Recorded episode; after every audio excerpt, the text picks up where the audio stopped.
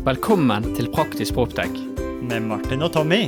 Dette er en podkast der vi ikke skal snakke om en fremtid langt unna, Men hvordan ny teknologi kan hjelpe oss til å drifte forvalte. og bruke byggene våre i dag. Vi vil vise deg de beste eksemplene fra innlandet Og fra utlandet. om hvordan sensorikk, teknologi og bygg henger sammen. So, let's go!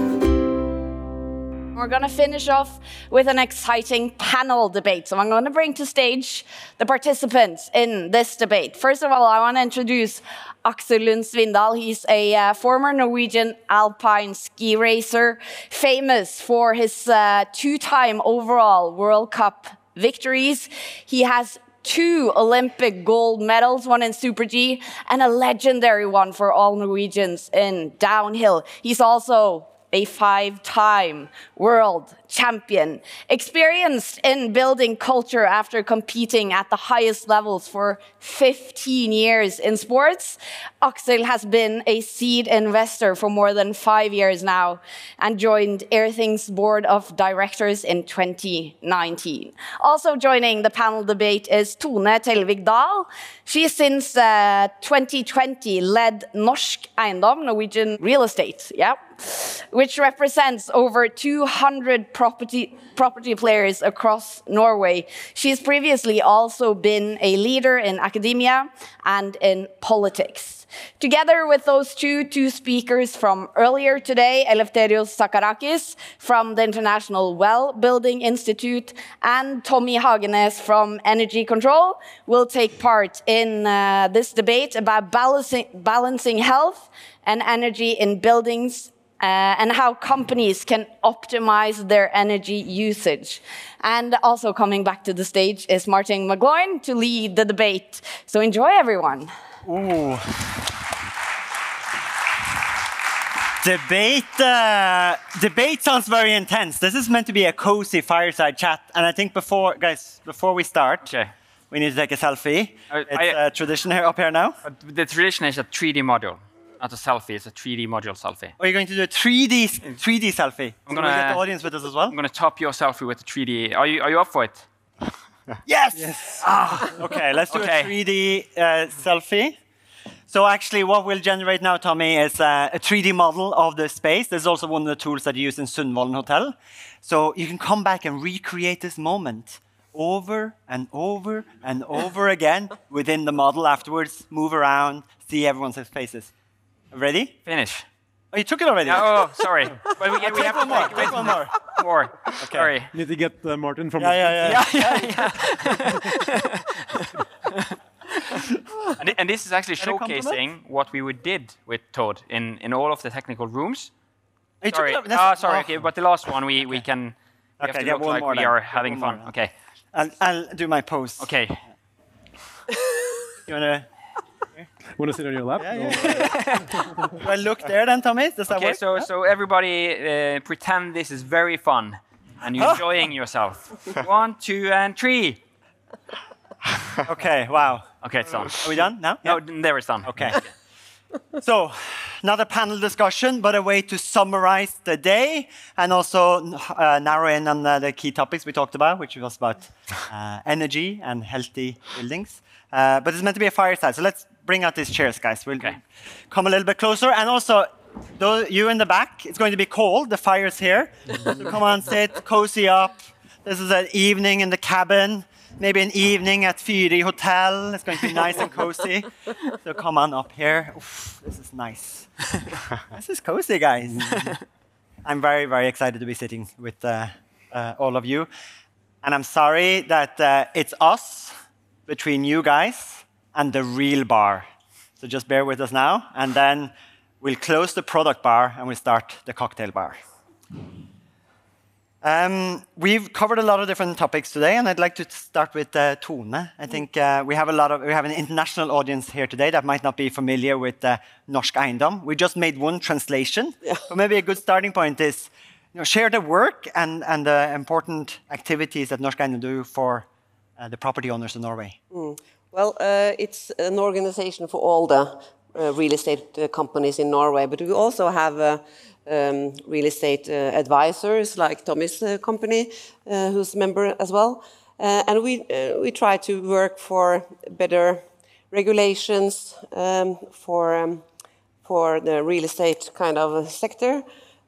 We try to make our members doing good choices concerning ESG. You know, a building is not just only a building for the people working or living in it, but also having a big impact on the uh, surroundings. So we try to, to, to make kind of best practice, um, different kind of um, pamphlets and so on. Uh, and we also try to um, yeah, uh, enable our members to to be a bit more uh, innovative uh, yeah, in the ESG. And I think that's the key here today yeah. as well, right? And a lot of the topics we've been covering. Um, we talked about various crises, and I talked to a few members in the audience here during their breaks, that I, and I heard that you were coming. And a few, quite a few of them pointed out that you're a very good communicator and write some very good articles uh, in Norwegian media to really lift up you know, the challenge that it is to be a property owner. Mm. And how are your members and the property owners in Norway now addressing our current crisis? Well, you know, they actually they are very ready to try to improve the energy efficiency in the in the buildings, and many of them are already in good uh, good shape and having a lot to come. But we need to to, to make this a, uh, to, to, a big scale and to to reach the goals in 2030 which is only eight years, seven years uh, ahead. Um, we need new politics and we need also some economic incentives from the politicians. And we see now that Norwegian real estate companies are quite progressive um, compared with uh, European real estate companies, mm -hmm. from my point of view. But uh, the politicians in EU are more progressive than the Norwegian, and that kind of bugs me a bit, um, since I wasn't a politician before. Uh, so, um, so uh, the real estate companies they want to. We have the knowledge. We have um, we have many different uh, tech companies, prop tech companies, wanting to to to to give the solutions of our problems. So um, we can do it, and we want to do it when we can do it really, really fast. Mm -hmm. Uh, but if we're going to have more than only the biggest companies, we need help from the politicians. But I, and I think one of the themes that we've been discussing here today is addressing, you know, ensuring we have healthy buildings and energy efficient buildings. And the mm. solution is a lot within property technology and oh, these new solutions. And one person that's really made his mark uh, in Norway when it comes to in investing and enabling these companies is uh, Aksel and you're uh, an investment director in Norselab, one of the leading VCs that really focusing now on ESG, and also an investor in several property technology companies. And when you invest in the companies and look at companies that uh, Tone is talking about as part of the solution for companies, what do you look for? And particularly the companies that uh, you get an extra shining for and you want to join their boards as well. What's important for you when you invest? Um, Ooh, I think, I mean, uh, since we're sitting here now with, and we all have this uh, beautiful air things, necklaces, uh, I think that's... you also have Norselab on your chest. I do, but uh, since when I want to connect the dots there, um, because I thought about that uh, when we heard um, from uh, Sophie, was her name, from Amazon? Mm -hmm. Yeah. That, um, you know, what used to be the way that she could get data, which was really nothing. Um, and back when I met uh, Airthings for the first time, it wasn't Airthings. It was a different name, and it had a much um, more narrow offering. But uh, what I did learn is uh, the deep, deep knowledge they had on the radon gas um, that educated me a lot. And it's really a parallel to what we see now is that uh, because with radon gas, I feel a lot of people don't want to know if they have it in their home because then they think their home is uh, worthless. Mm. But the fact is that it's deadly and you can actually do something about it. So to not know about it just doesn't make any sense at all. And it's a little bit the same now with uh, indoor air quality. If we have horrible air quality, there might be a fairly easy solution. And it's something we really need to do something about. I mean, it was a quote here about wearing someone else's clothes. I think it's more like using someone else's toothbrush, to be honest. Like it's it's a bit uh, more intrusive than just putting on a jacket. Um, and um, yeah, then you know the, that the solution to get regular data uh, through then uh, the uh, Corentium back then um, that you could actually follow because it does vary. Radon is not like a stable um, uh, or stable gas. It's not the, the values aren't stable. They vary with. I mean, right now they're building Fornebubanen uh, so a big uh, subway project out to Fornebu. And I've had crazy radon levels when they're blasting for the, um, and they just last for a short while in my basement, and then they're back normal again. But still, it just shows the difference.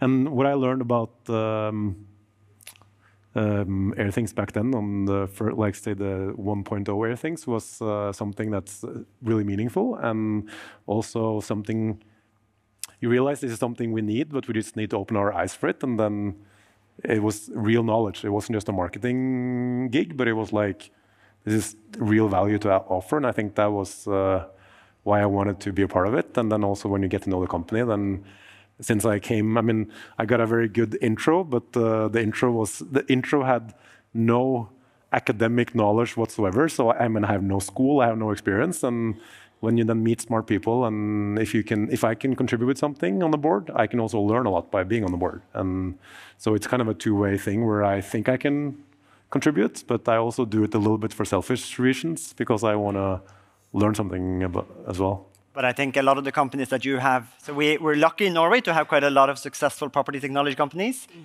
that are ambitious and wanting to succeed internationally. And that kind of perspective and that ambition and that perspective, I think is clear to the companies you work with that have succeeded.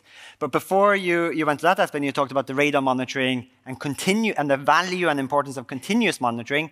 That brings us back to the beginning of the day. Do you remember that?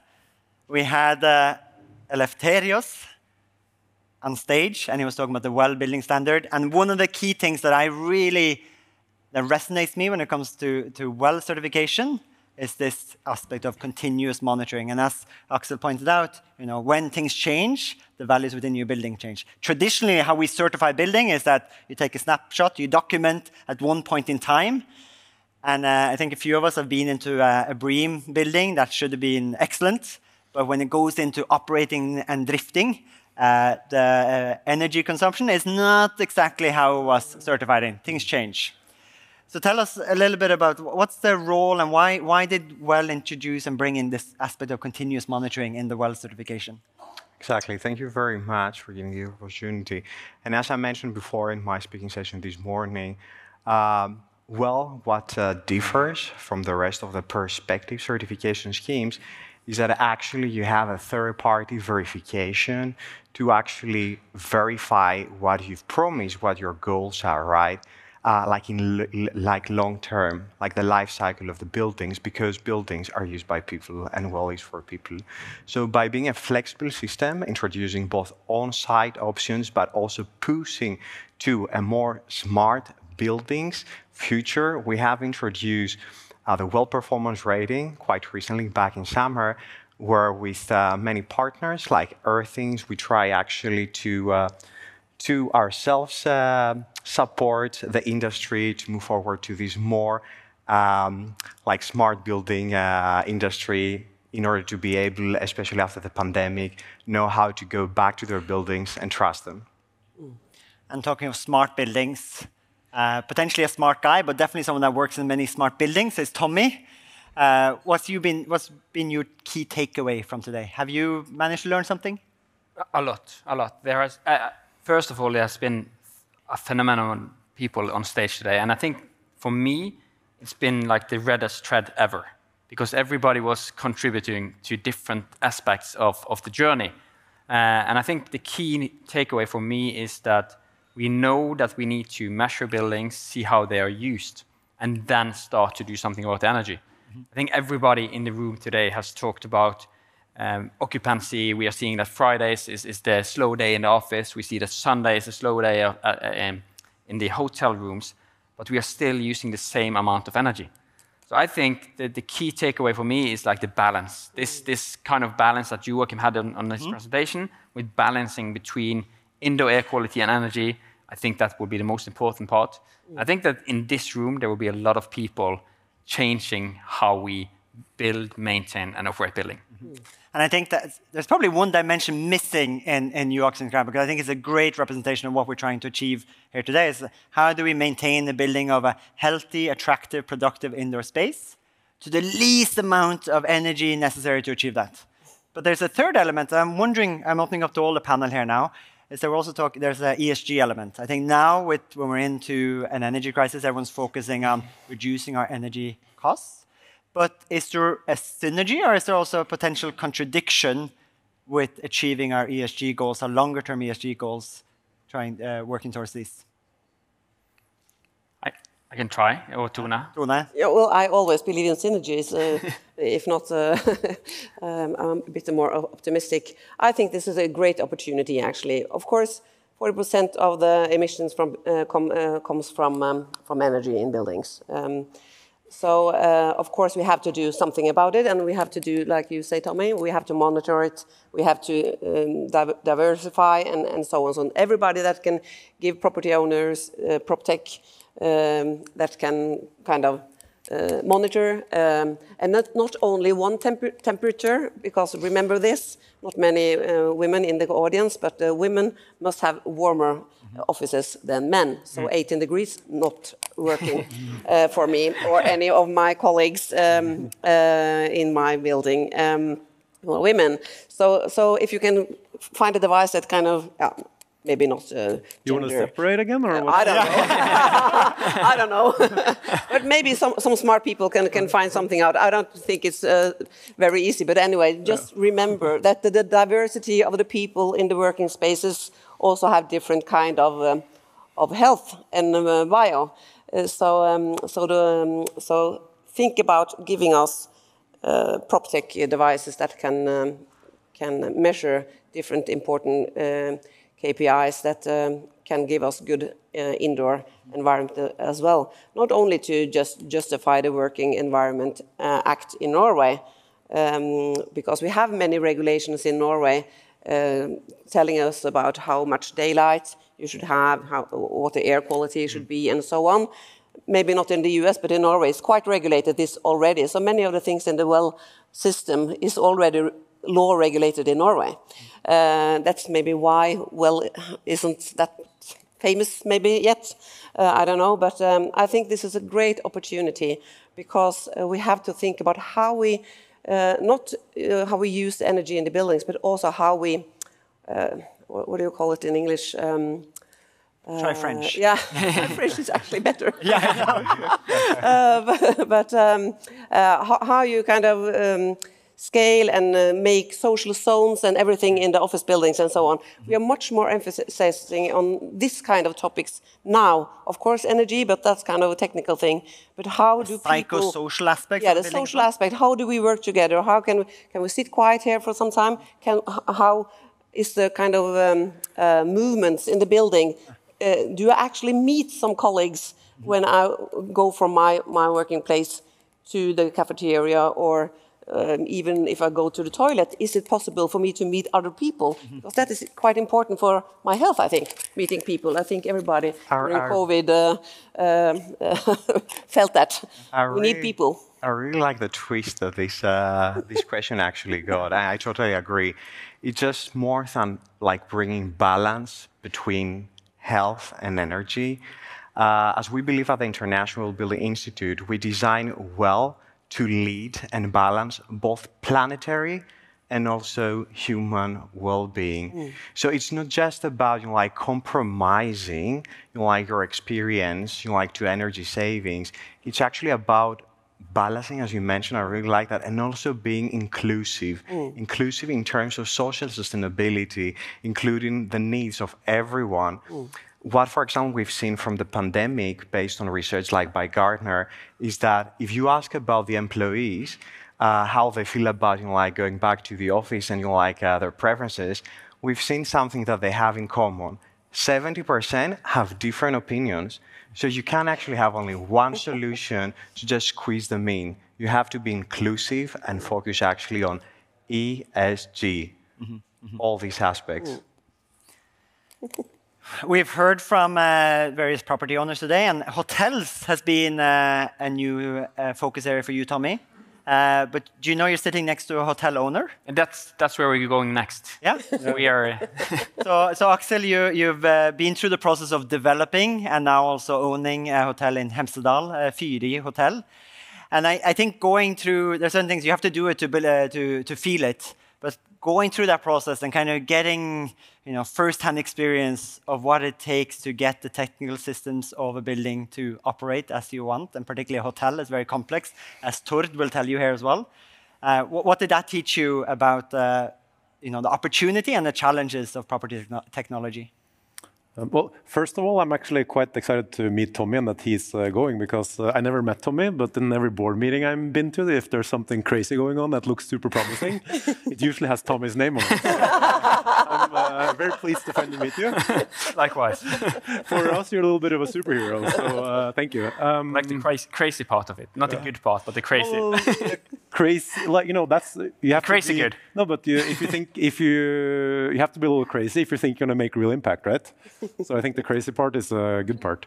Um, and when it comes to, of course, uh, so I had uh, very little clue about a lot of the things that was going on, but I tried to sit in, in a lot of the technical meetings to really understand the process. Um, and um, it, it was definitely a, so you remember, you see this um, documentaries or not even documentaries but like uh, shows on they, started with discovery channel and now they're everywhere about all these people working in if they like if they're going to build a house or if they're going to um, rebuild a car or if they're like out fishing in the arctic uh, oceans. It's super dramatic the whole time and they barely like they don't make their timelines and they're about to die. And it's like you're watching it you're just like it must be acting. Like, how bad can it be? And then you're opening a hotel. like, literally, it's people are. First of all, people showed up to check in in the morning, which they couldn't because we'd said that it was like either 12 or 1 o'clock. So they had to wait outside. and as the doors open and they come in to check in, people are carrying building materials down the stairs out the backside. Complete mess. And one of the things that's the most um, I would say advanced thing to optimize and really and optimize. Now, actually, optimize is the wrong word. Just to make work yeah. is the HVAC, the ventilation. Like mm. how even it's a brand new building and someone designed it from scratch. You haven't like you know built a new part of it or anything and just added on. It's been built from you know it's thought about from the very first meeting, and still, as you're opening up, it's super hard to make it work. Mm it's in every and, building. Exactly, that's what I learned. Like, and then I started to think maybe someone didn't do their job in like developing them, but probably someone here from that industry. And I'm sorry, but it just seems to me if we talk about artificial intelligence, and it, you, you don't need crazy machine learning probably to make that work. You just need the software that can kind of censor what a room feels like, and then you need to open and close some mm. things. It's not super advanced, but it seems that that industry has a little bit of a lag because there hasn't been a lot of focus on it. Mm. Um, it's just, I mean, that's a statement, and it's only my statement, so I'm not uh, trying to bring that on. Many of our members as well have, yeah. have thought the same yeah. thoughts. Because it, it didn't seem like the most advanced part of the hotel, no. but it's super important. Mm. And also for the, you know, the guests, obviously you want them to come back. Yeah. But I have now I have a much bigger worry because now I learned because we, we were listening to Sophie and she said uh, what the air quality was like in submarines, and she didn't answer really, but uh, then you had some insight, and I learned that that's the worst air quality anywhere. So you have a bunch of people that already are super tense because there's conflict. They have their like thumb on like the red button to fire these missiles, and they're what was the ppm? 25,000. 25,000. And like, I mean, there's no way they can think it, clearly. It's um, kind of the same when people build your boiler rooms. There you also have 25,000 ppm, so that's why it's not working. And, uh, I mean, they should put them in a submarine. yes, no. so that's my biggest worry right now, actually, is these submarines that are floating or, or around. Uh... But, but uh, so maybe in the same way, submarines don't have enough proper technology. But what the, talk, thinking about this challenge you've noticed uh, with adoption of you know, we've, we've both come from different industries. You're from a different industry. I'm from a different industry uh, originally. Tommy's been here for a long time, but he's kind of started to see the light that there is a different way. Uh. You know, why, why do we, why, you know, and the first time I went to and saw uh, an SD-anlegg, like a BMS system, Uh, and we were actually together in the bottom of Clarion Hotel, which is a brand new. oh, sorry, I shouldn't probably say the name of a, another hotel, but okay, a, hotel, a brand new hotel here in Oslo. And the, the janitor, he was The so hub, excited. Just to narrow it down to what Clarion was.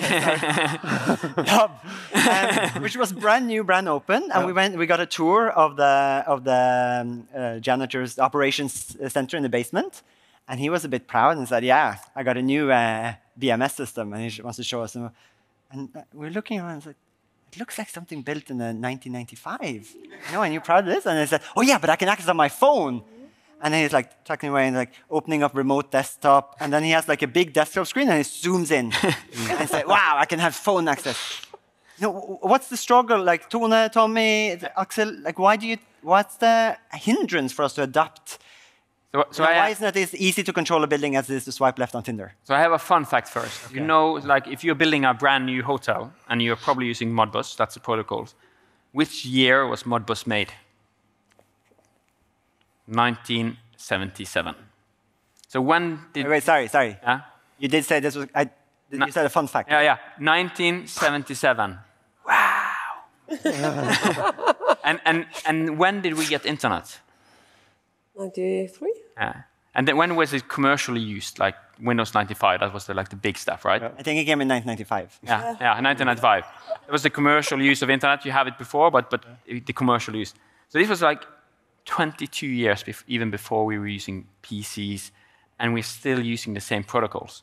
And that's actually why it's hard. I, I got the question earlier. Why is it hard to control these kind of building? Mm-hmm. And I think we are trying to do that in, in our podcast as well. We're trying to say that it's prop and tech. It's two different worlds. So when we actually are using Airthings to control a building, we still need to have a box talking to a protocol from 1977. There isn't any security. If I ask who is there, every dump sensor will answer, I'm here, I'm here, I'm here, I'm here. Hack, please hack read. me." Uh, please hack me. So, so it's like it's it's two completely different worlds. But then, okay, but why? What's the reluctance to adopt new? Like we have MQTT. Okay, this is getting a bit. geeky. Sorry, Tone. But no one No, is like, it's- excited about the indoor air quality. That's the two of you. So you can get told.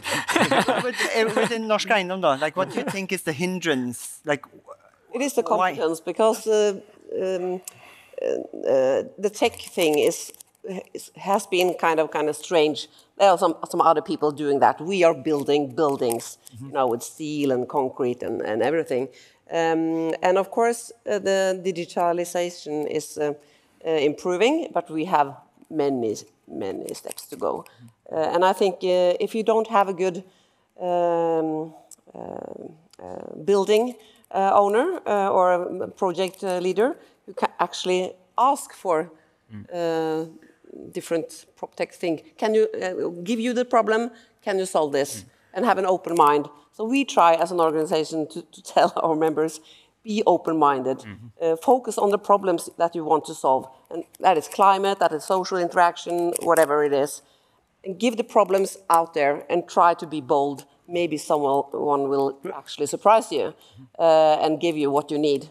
Um, but of course, sometimes it's uh, hard to be the first mover. But we try to push and say, if you're the first mover, uh, I will do my work and go to the politicians and say you have to change the regulation so we can do this and that.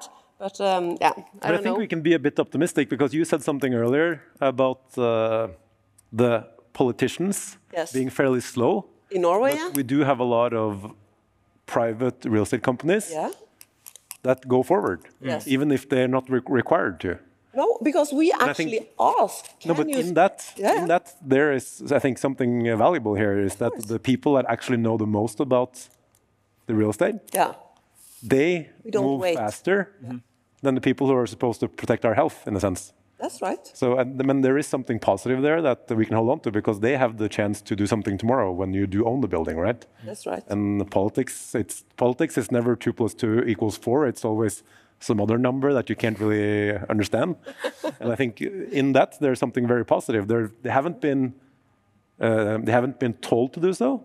No. They do so on their own initiative. Yes, and we don't sit and wait for the politician. Don't don't um, uh, think wrong uh, what I said. We don't wait, but we need to, to scale up. But there's a lot, still a lot of money in real estate, And that gives us the possibility in Norway, I think, to be as progressive as I think the Norwegian real estate um, family uh, is mm -hmm. compared to European real estate uh, uh, yeah, companies. But we're not necessarily getting a, medvind in Norwegian. Oh, I'm struggling with the English here now. Like uh, uh, tailwind, tailwind from the politicians either. Like the, the la latest uh, article uh, you wrote for Aftenposten mm. focused on how maybe that the governmental the government isn't quite understanding the unique structure and nature of the property sector to be able to help them to adopt new technology and probably actually more hindering it. Yeah, because they have a lot of focus on actually on the tenants. Of course, we need to, to hinder uh, bankruptcy and people losing their jobs, of course, in different companies. But um, it is the building owner that have the capacity and uh, the possibility to actually do something about the energy system in the building that actually will benefit the tenants, the, the bakery or the retail shop or whatever. Uh, but the politicians actually don't, they don't see the connections. So um, I try to tell them, you have to to put the incentives um, towards the building owners, they can do it. And with, with good help from the technic, uh, the prop tech business, we can actually uh, move very, very fast.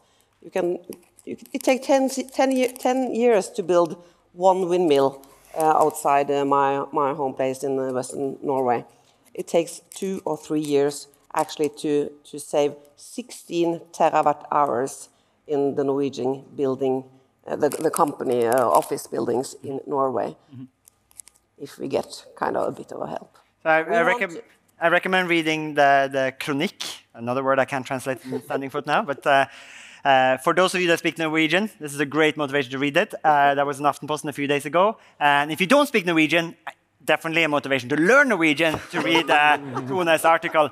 Because what she points out is that the strums, the, the, the governmental support for uh, business, uh, property owners in Norway now, they don't understand this fragmentation, which I also think is a challenge with property technology adoption, is that we have an owner, a developer, and a tenant, and their interests are not necessarily always aligned in who invests who operates and who gets the value of property technology. Mm. In the same way, the, the government is not necessarily seeing this when how do they provide support for us to adopt technology to save energy. But let's be positive at the end because the bar is opening. I'm hearing the cocktail shaker. I'm going to go and have my whiskey. Um, what can, so we're in the Nordics. Uh, even though you're Greek, you've also uh, been based in Sweden for many years. We have some great Norwe examples of Norwegians here with us as well. What can, um, what can the Nordic property sector teach the rest of the world? Do we have something we can be particularly proud of? Do we have something different that actually can set an example internationally as well? Something that we can be proud of? Definitely. From my experience working the Nordics uh, with uh, the Scandinavian countries of uh, Norway, Sweden, Denmark, Finland, and Iceland, what we've actually seen compared to the rest of the world, and especially the continental uh, Europe, uh, we've seen like three aspects that uh, the Scandinavian countries actually have something to uh, teach the others. So uh, the first one is that um, the way that the Scandinavian countries have been uh, promoting urbanization, we all know that uh, in the following years, most of the people are actually going to be living in cities. In the Nordics, it has been like a bit um, late compared to other European cities, big cities and so on.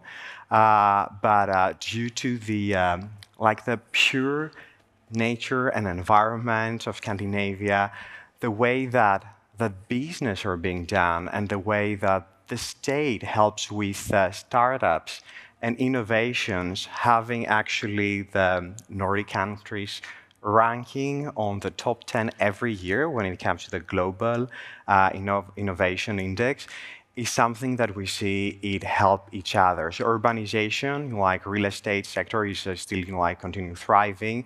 Uh, the startups, like in the tech sector, is is growing and has good incentives by the state, and also the pure uh, nature from the Scandinavians and the local green building councils mm -hmm. that work with sustainability create this forum to foster collaboration. I think that's very important to teach and uh, reach out this message to the rest of the world.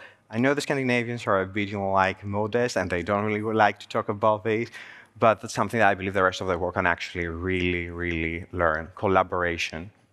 And Tommy, I know that we, we get so frustrated at the, the adoption of the digitalization and property technology in Norway is so slow, but we're actually leading. Yeah, we're, I think Norway is in, in second place in, in most succeeding property companies, and Sweden is just before. So, so Nordic countries are doing it good. We will win. Uh, but, but the other thing is, if you look historically back, we had very low energy prices, uh, and also, if we can produce products in Norway, and we can actually make that a, a cost, you will take the cost for it. If we can make it here, we can make it anywhere. And I think that's like one of the best things when we make something in Norway, we see that it scales out there. Mm. So, and, and, but the, if you look at the negative side of it, in, in the Nordic countries, we are very digital. Like we have Elhub, which is a place where you can collect all the energy data of every building. Uh, we have Nord Pool with the power prices. We have Meteorological Institute for outside air temperature. There is so much open data. So it's so easy for startup companies to actually produce an app on top of it. Like for Airthings to get all of the outdoor data in It's just like a, a, software thing. So, so we are a bit lucky in Norway to be so digitalized. I think that's one of one problem that we are seeing when people go from Norway outside. You are missing some of those mm. adventures that, you're thinking like, oh, so people don't even have BankID, mm. like the, the digitalization of, of, uh, of having a legitimering. ID. ID. Oh. I like how everyone looks to Aksel when we need a translation. he's, my, he's my expert now. Do you have any, you know, anything else we can be from uh, technology or property side in Norway that we can uh, be proud of? Do we have the winner instinct? Um, I mean, I think we're um, not afraid to take some risk, and when you, if you're going to be a first mover, you have to take some risk. Mm -hmm. So I think that's uh, that's a good start. Uh, but I do agree on the. Um, but I see it as a positive. Like you see, uh, you said it as a challenge uh, that there's less access to data. But if you look on the flip side, it's also a reason why we can be a first mover, right? So you can do things um, that in other countries are very hard because they don't have the data. Mm. And um, I mean, I think that's just uh, something that uh, we should. Uh, we, I mean, we're lucky to live here in many ways, mm. and then I think we can afford to take some risk, and we can be first mover. And even if something fails, then we kind of, you know, we're in that position where we can always try again. Mm. Uh, so I think we should uh, use that to our advantage. So we have a head start, kind of. I think we have a head start, but also I think we also have to acknowledge that we're lucky to live in a country where uh, most things are taken care of. So then you also, you know, you can add some risk to that and maybe go down a path that's not 100% safe, but uh, if you do succeed, there is benefit in it for more than just yourself, but for uh, more people. Uh, finally, Tone, do you have any reflections on this? No, I, I totally agree with the rest of the panel. Uh, and I think um, uh, we are in a very good position to reach uh, the quite ambitious goals for 2030 and even 2050 concerning, of course, um, um, the, the green gas but also the, the rest of the, the, the syllabus, the ES. So you're optimistic on uh, I think Norwegian we can do it, yep. and if uh, if everybody uses the possibilities in real estate um, to kind of achieve these goals, we can actually achieve the, the UN goals as well. Very good. Let's leave it at that positive, hopeful note. Uh, bar is opening. Thank you very much to the panel. Thank you very much for joining us here in Centralen today.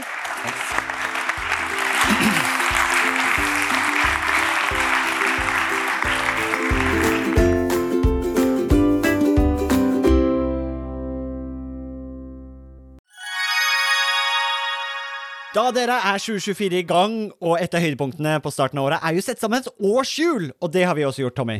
Ja, Akkurat nå sitter jeg og ringer rundt 25. og 26. april, for da skal vi på FTV-kongressen. Og det blir litt ekstra spesielt i år, Martin.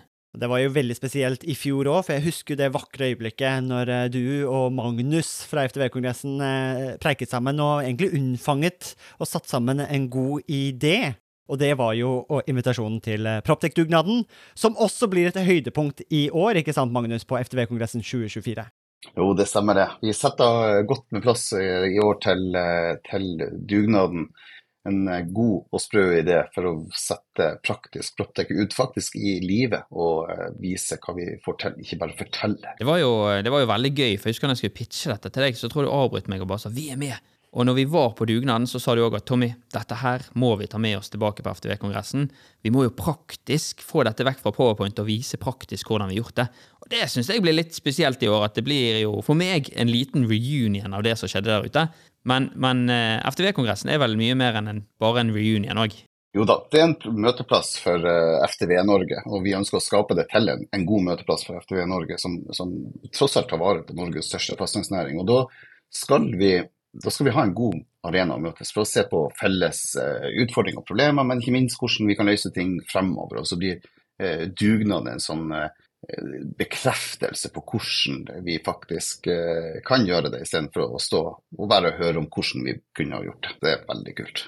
Og januar er jo en gavemild måned, så hvis du brenner for bedre drifting av bygg, så kan du få med en liten rabattkode her også, så møtes vi kanskje 25.-26. april på Tung kongress Gardermoen. Og den rabattkoden er ikke vanskeligere enn Praktisk Proptech med små bokstaver og uten mellomrom. Praktisk Proptech. Praktisk Proptech, små bokstaver, ingen mellomrom ett ord. ftvkongressen.no, der ser du programmet, det blir oppdatert i disse dagene, og så møtes vi i april. Vi ses! Vi ses!